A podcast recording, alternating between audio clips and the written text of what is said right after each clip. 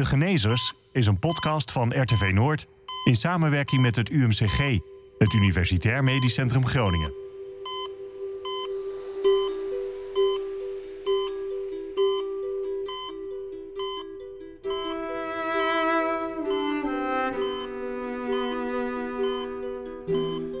De Genezers is een podcast over ziekte en genezing, over dokters en patiënten, over methodes en ontwikkelingen in de medische wetenschap.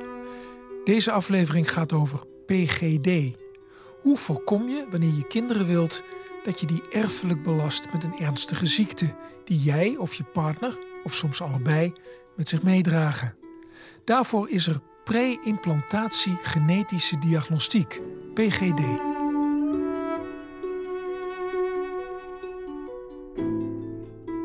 Wat je dan doet is IVF, dus zwanger worden met een reageerbuisbevruchting.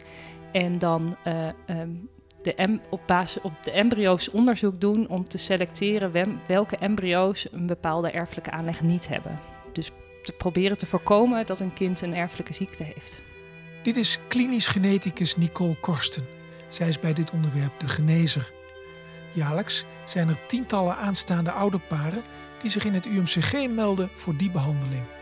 Anna Velting moest ooit aan haar partner, met wie ze kinderen wilde, uitleggen dat ze een levensbedreigende ziekte zou kunnen doorgeven. Ja, dat is een heel lastig onderwerp wat je dan uh, uiteindelijk ja. aankaart. Ja, ja, ja, ja het voelt, voelt, misschien als een stukje falen. Uh, falen? Hoezo? Nou, falen naar je partner toe. Dat je niet uh, hè, op de manier kunt geven wat je hem zou willen geven. Het moet allemaal met een omweg. Ja. Maar beschouwt hij dat ook als falen? Nee, absoluut niet. Nee. Nee, nee gelukkig niet. Ik beloof dat ik de geneeskunst zo goed als ik kan zal uitoefenen ten dienste van mijn medemens. Ik zal zorgen voor zieken, gezondheid bevorderen en lijden verlichten. Dr. Korsten begeleidt ouderparen bij een PGD-traject. Een lange weg, vol kronkels, voetangels en klemmen. Als ze zeggen ja, wij willen dit doen, moeten ze eerst een heel traject van voorbereiding in. Uh, er moet gekeken worden of ze samen wel geschikt zijn voor zo'n hele IVF-procedure. Uh, en als, het, als dan blijkt dat ze geschikt zijn voor de IVF-procedure, moet er daarna in Maastricht nog voor dat individuele paar een test ontwikkeld worden. Je moet je voorstellen dat er een soort malletjes klaar liggen voor de meeste aandoeningen wel, maar dat dat altijd voor een individueel paar moet er toch nog apart een test gemaakt worden. En als dat allemaal klaar is, dan zijn er nog wachtlijsten. Die zijn opgelopen de laatste tijd door corona. Dus uh, als mensen zeggen, wij willen dit, zijn ze zo al anderhalf jaar verder voordat ze echt met een behandeling kunnen starten. Jongen. Dus dat is al niet niks. Nee. En hoe verhoudt zich dat trouwens, het aantal mensen wat bij jullie komt, met het aantal mensen dat denkt: uh, ik vertrouw op onze lieve Heer en ik doe het gewoon? Dat is altijd heel lastig om in te schatten, omdat een heleboel mensen die uh, er zo over denken, niet bij mij in de spreekkamer nee. terechtkomen, nee, omdat ze dan niet de vraag hebben. Uh, maar, en het ligt ook heel erg aan de aandoening natuurlijk. Um, um, om even een voorbeeld te geven, iets waar, nou ja, als je kijkt naar de aantallen van PGD, best regelmatig PGD voor gevraagd wordt. Dat is de groep van mensen die drager zijn van een erfelijke vorm van borst- en eierstokkanker. Dus die mensen die hebben een hoog risico, of vooral vrouwen, om in de loop van het leven borstkanker te krijgen of om eierstokkanker te krijgen. Um, als je kijkt naar PGD zie je dat die mensen daar uh, ja, best vaak om vragen. Maar als je dan um, um, kijkt van al die mensen die drager zijn van zo'n erfelijke aanleg, ja, dan vraagt eigenlijk maar een heel klein stukje van die mensen om, om PGD. Dus dat, dat, ja. Dus eigenlijk is het, het aantal oude paren wat jullie behandelen, is eigenlijk maar een fractie van degene die het zouden kunnen krijgen, zo'n zo'n zo'n traject. Ja, dat klopt. Ik heb gewoon vier kinderen met een vijfde onderweg.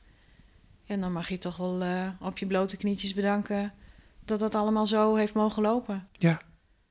Of mensen denken van nou, die, die, al die moeite voor die kinderen, jongen. Ja, nou een heleboel mensen van buitenaf vooral weten dat niet. Die staan daar niet bij stil. Die, die, die zien van, hé, oh, mooi, groot gezin, hartstikke leuk. En uh, ja, jullie, uh, jullie, jullie hebben het wel gezellig, of niet? Ja, dat, ja, het is inderdaad heel gezellig, maar de afgelopen jaren zijn gewoon wel heel zwaar geweest. Wat maakt het zo zwaar? Uh, ja, het, het, het, het, het psychische, het emotionele. Hè, de, de behandelingen die niet slagen. Uh, Want voor alle duidelijkheid, uh, je, je krijgt als het ware drie kansen hè, op een. Ja, je krijgt drie kansen. En drie kansen, dat, dat houdt in echt het hele traject. Dus de stimulatie, de punctie en een terugplaatsing. Ja. Ja, als je dat, als dat niet slaagt, dan mag je behandelingen ja, uiteindelijk zelf gaan betalen.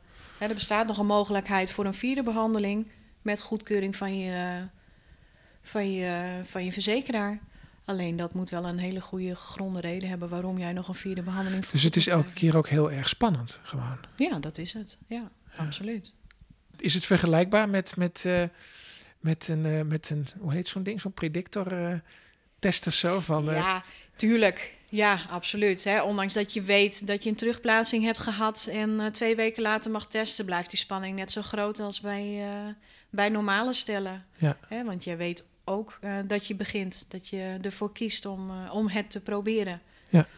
En dan hoop je toch ook dat na je ijsprong dat je twee weken later een positieve test in handen hebt. Dus die spanning blijft wel gelijk, absoluut. Ja.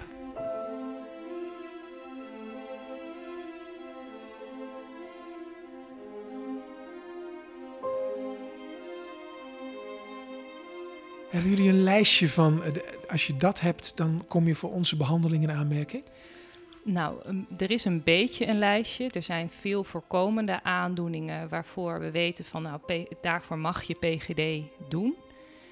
Um, maar er zijn ook, er zijn nog zoveel ziektes en zoveel zeldzame ziektes, dat het zeker niet zo is dat we een complete lijst hebben. En uh, het is heel erg afhankelijk van de aandoening of uiteindelijk PGD geschikt is, ja dan wel nee. Maar wie beslist dat dan? Ja, dat is ten eerste natuurlijk de mensen zelf. Hè, die hebben daar een beslissing over of zij wel PGD zouden willen. Um, of dat wel iets is voor hun. Dus dat is al zeker, denk ik, stap 1 en de aller, een hele belangrijke uh, stap. Maar als zij het zouden willen, ja, dan, dan zijn er nog een aantal stappen daarna die bepalen of het ook echt mag. Uh, het moet, ik zei net al, het moet een, uh, uh, sprake zijn van een ernstige aandoening. En dan is al gelijk de vraag, wat is ernstig? Hè? Want wat voor de ene misschien heel ernstig is, is voor de andere misschien wel helemaal niet ernstig. En dus een, voor dat paar een verhoogde kans op een kind daarmee. Dat is de andere. Dus het moet wel een, um, een aantoonbaar erfelijke aandoening zijn waar je ook echt een verhoogde kans op hebt. Ja. En dan is het ook nog zo dat je een test ervoor moet kunnen maken. Dus het zijn allemaal stapjes die je nodig hebt om uiteindelijk te bepalen wie er wel of niet in aanmerking komen voor, uh, voor zo'n traject. Is het niet zo dat als, als er een, een, stel bij jullie komt om informatie, dat ze gillend weer weglopen, omdat het zo'n ingewikkelde materie is en dat het zo ingewikkeld is om dat allemaal, uh, al die stapjes te gaan doen? Nou, het is een heel traject en er zijn zeker mensen, er zijn mensen die überhaupt niet bij mij op gesprek komen om hierover te praten, want die hebben bij voorbaat al bedacht dat het misschien niet iets voor hen is. En zeker van de mensen die wel bij mij komen om daarover te praten, uh, denkt een deel daarna alsnog van nee, dit, dit is toch wel zoveel, dit ga ik niet, dit ga ik niet doen. SCID, SCID, is de verzamelnaam voor een aantal erfelijke aangeboren afwijkingen van het immuunsysteem. Het wordt ook wel boy in the bubble syndroom genoemd, omdat de patiëntjes soms zo vatbaar zijn voor infectieziekten dat ze alleen in een steriele luchtbel kunnen leven. Anna Velting is drager van SCID. Uiteindelijk komt het er bij ons op neer, wij hebben X-linked SCID, althans ik draag dat dan. Dus het is uh, X-gebonden, dus aan jongens voor 50% En uh, ja, je hebt geen afweersysteem. Je lichaam maakt dat niet aan. Dus uh, ja, om, om het uh, heel simpel te houden, als je niet behandelt, sterft een kindje zeer waarschijnlijk voor het eerste levensjaar. En um, dat kan aan een verkoudheid zijn, aan een griepje. Dat kan ook aan waterpokken zijn of een simpele inenting die, die je haalt bij het consultatiebureau. Dus er is niets aan te doen om te zorgen dat zo'n kindje genoeg afweer krijgt om, om het leven te doorstaan, zeg maar. Nee, uh, er, bestaat nu wel een behandeling, gelukkig. Ehm, ehm, dat is een beenmergtransplantatie. Die, die heeft nu op dit moment, van wat ik heb begrepen uit, uh, uit Utrecht, een slagingspercentage van 80, 85 procent. Wat relatief hoog is. Ja. Zo'n kindje zal altijd onder controle moeten blijven en medicatie uh, moeten slikken. Maar de kans van slagen is uh, gelukkig met de jaren wel gestegen. Maar ja, dat is niet, uh, niet mis. Het, het, het, is een, een, een, behandeling bij een baby die een hele zware chemokuur krijgt. Om eigenlijk zijn hele beenmerg, wat hij heeft, weg te halen. En dan wordt nieuw beenmerg getransplanteerd. Ja. En dan is het uh, hopen dat dat aanslaat. Sommige mensen nemen het risico. Het hangt heel erg af van de aandoening. Hè? Het voorbeeld wat ik net gaf over erfelijke borst- en eierstokkanker. Ja, dat is een aandoening die vooral op oudere leeftijd voorkomt. En waar je, uh, waar je kinderen misschien pas over 20, 25 jaar uh, last van zullen gaan krijgen. En dan is de wetenschap en de medische techniek ook weer verder. Ja. Waarbij je hoopt dat daar misschien uh, uh, weer meer mogelijkheden zijn om het beter te behandelen. Ja. En dus het is altijd een hele persoonlijke keuze van wat is voor een paar nou de beste manier om hun kinderwens invulling te geven. En mensen die dit horen en die denken, wat, wat, wat zou die mevrouw ons nou aanraden eigenlijk? Wat moeten we doen? Moeten we zo'n traject gaan volgen of moeten we gewoon de natuur vertrouwen en, en uh, ook denken van, nou ja, over twintig jaar dan, dan weten we zoveel meer. Dan is het probleem al opgelost. Ja, het is, het is voor elk paar dat ik spreek een hele individuele keuze waar heel veel verschillende dingen mee samenhangen. Want uh, nou ja, naast PGD of de, de gok nemen waar we het eigenlijk ook over hebben. En natuurlijk hopen dat een kind het niet heeft, maar nou ja, als het het wel heeft, hopen op betere behandelingen. Zijn er ook mensen die kiezen voor onderzoek tijdens een zwangerschap? En misschien een zwangerschap zelfs beëindigen, hè, als het moment dat een kind een uh, aandoening heeft. Of mensen die zeggen, ja, ik wil dit sowieso echt niet doorgeven, ik zie af van, uh, van kinderen. Of ik ga voor niet-biologisch eigen kinderen, hè, adoptie, pleegzorg, uh, eicel- of zaadceldonatie. En wat is nou voor een paar de beste keuze? Ja, dat, er is eigenlijk geen goed of fout. Hè? Want er zit aan elke keuze die je maakt, zitten zowel voor- als nadelen. En het is dan juist uh, mijn doel eigenlijk om tijdens het gesprek ja, meer te weten te komen over een paar en ook de voor- en nadelen van al die keuzes bij langs te lopen. Om te kijken wat eigenlijk het beste bij het paar past. Ja. Want dat is het belangrijkste. Ja, wat een ontzettend moeilijke keuze zeg. Het is een ontzettend moeilijke keuze, ja.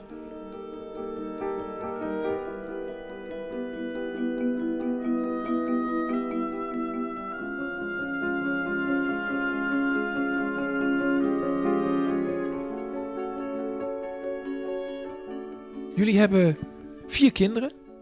Ja. Mats, Leon, Lara en Max. Max de oudste.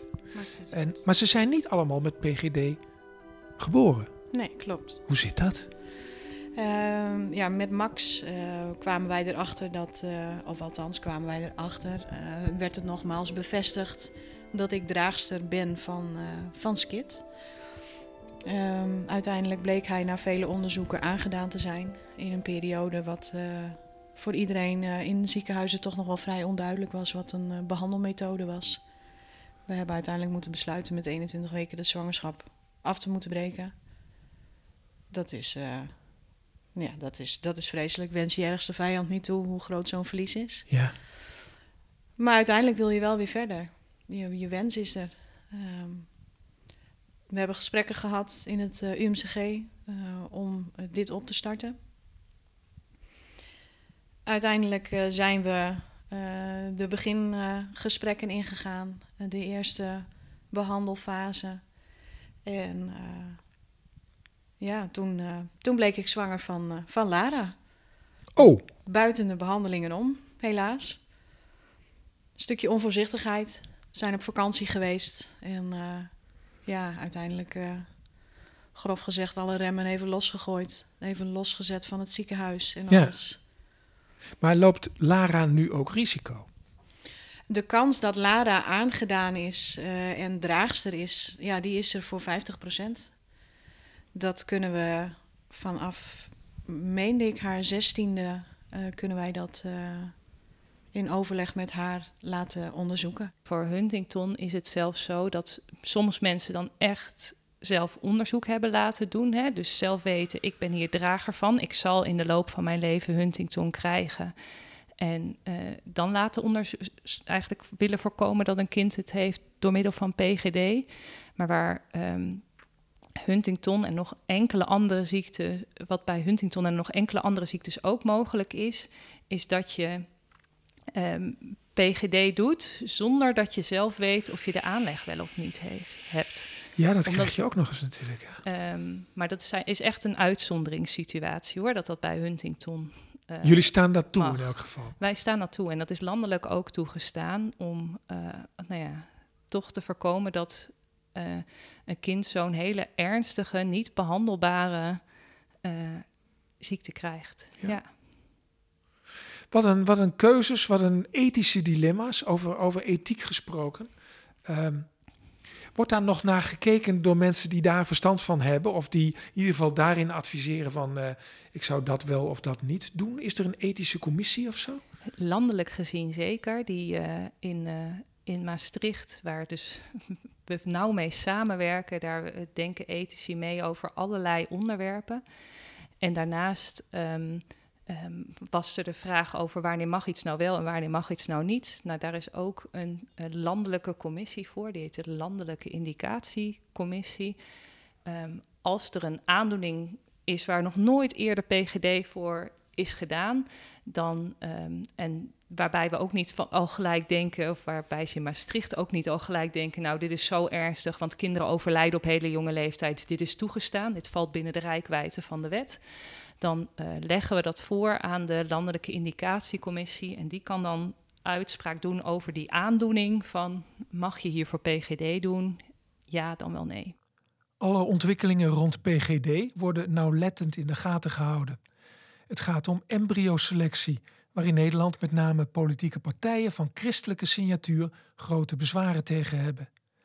Tien jaar geleden reageerde toenmalig staatssecretaris Jet Bussemaker van Volksgezondheid positief op een verzoek uit Maastricht om ook PGD toe te passen bij erfelijke borstkanker. Die genmutaties veroorzaken weliswaar niet bij alle draagsters kanker, maar in families waar die ziekte al decennia lang vaak en veel voorkomt, is het mogelijk om die verwoesting stop te zetten. De ChristenUnie was het niet eens met de staatssecretaris. Een crisis was het gevolg. Ik vind het ontzettend bijzonder dat, uh, dat de mogelijkheid er is. Ja, en natuurlijk, ik snap ook wel dat in een bepaalde geloofsovertuiging dat dat uh, niet als normaal wordt beschouwd.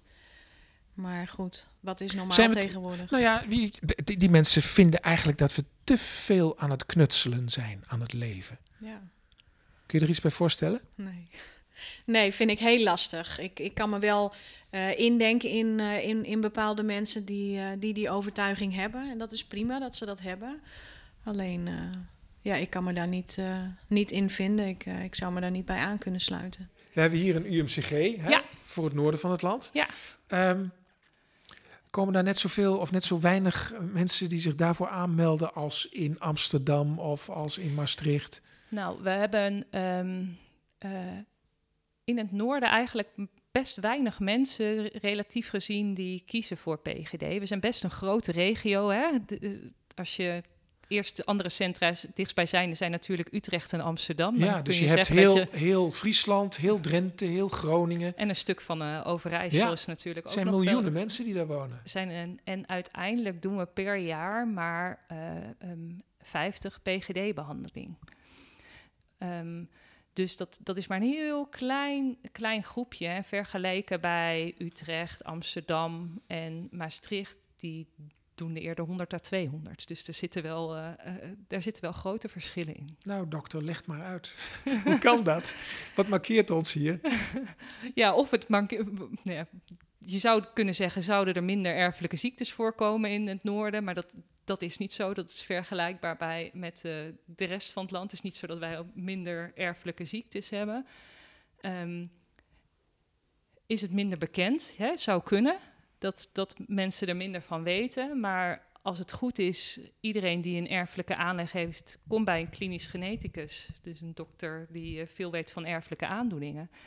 En uh, die weet weer van het bestaan van PGD. Dus zo zouden de meeste mensen op de hoogte uh, moeten kunnen zijn.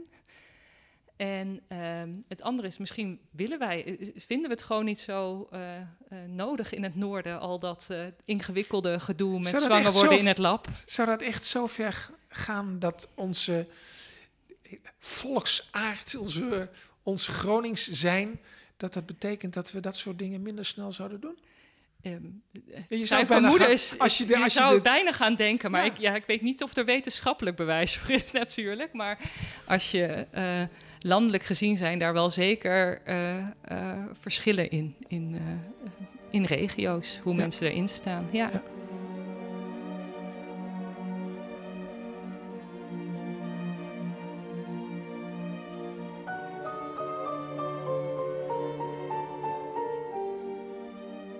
Is wel de wens uitgesproken eh, voor een groot gezin.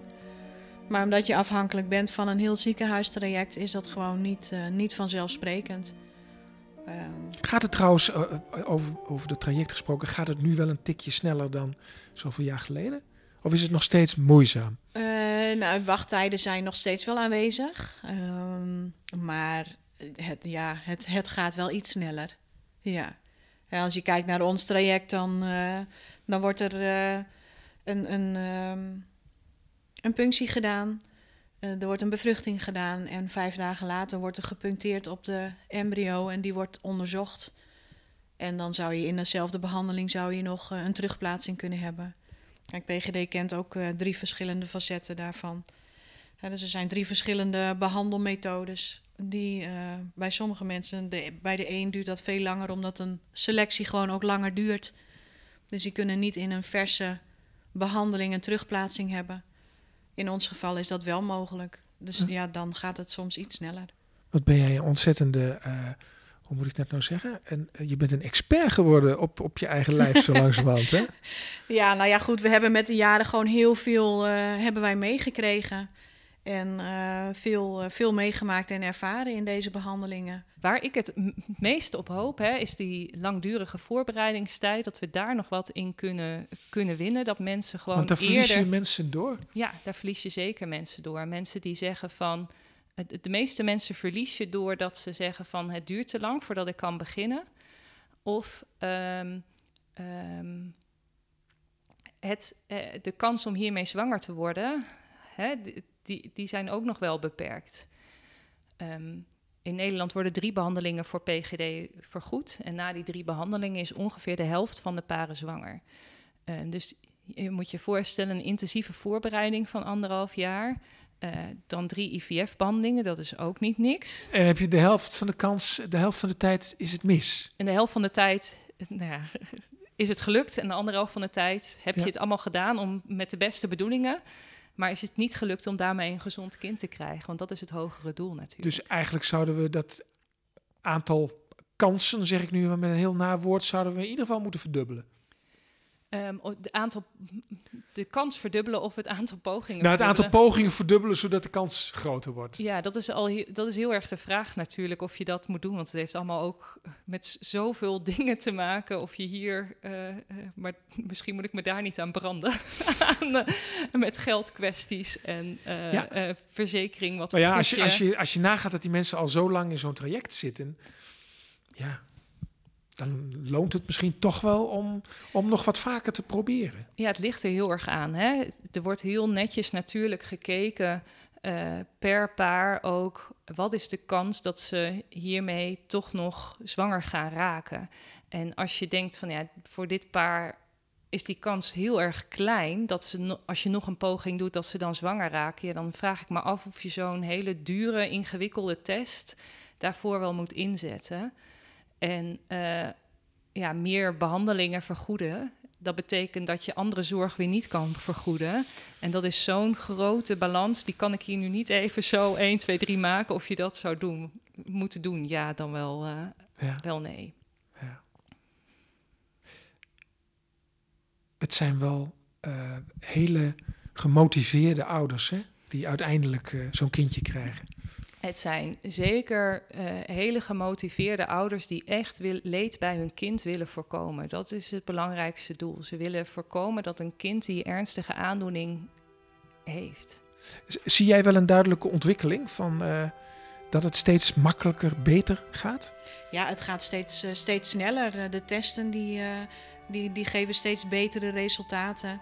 Hè, de, de, de, er zijn natuurlijk altijd testen bij waarin je ziet dat. Um, nou ja, dat, dat, dat er niet een duidelijk, duidelijk antwoord uitkomt. Uh, dat zie je wel minder worden. Dus het is gewoon goed of slecht. En dat stukje daartussenin van we weten het niet zeker, die wordt steeds minder. En daardoor heb je ook gewoon meer kansen. En, uh, ook ja, hogere slagingspercentages. Ja. Dit is vast niet je laatste kind. Ik durf het niet met zekerheid te zeggen. Als het aan mij ligt, niet. Um, ja, goed, je moet het met z'n tweeën doen. Ik wil zeggen, dat beslis je niet alleen, nee, hè? je bent met z'n tweeën en uh, ja, het moet ook gewoon passen. Het moet uh, financieel passen. Het moet uh, ook gewoon in je huis passen. Het is toch gewoon leuk, of niet? Ja, het is fantastisch. Ja, absoluut. Ja, ja. mijn huis is niet te klein. mijn hart is ook niet te klein.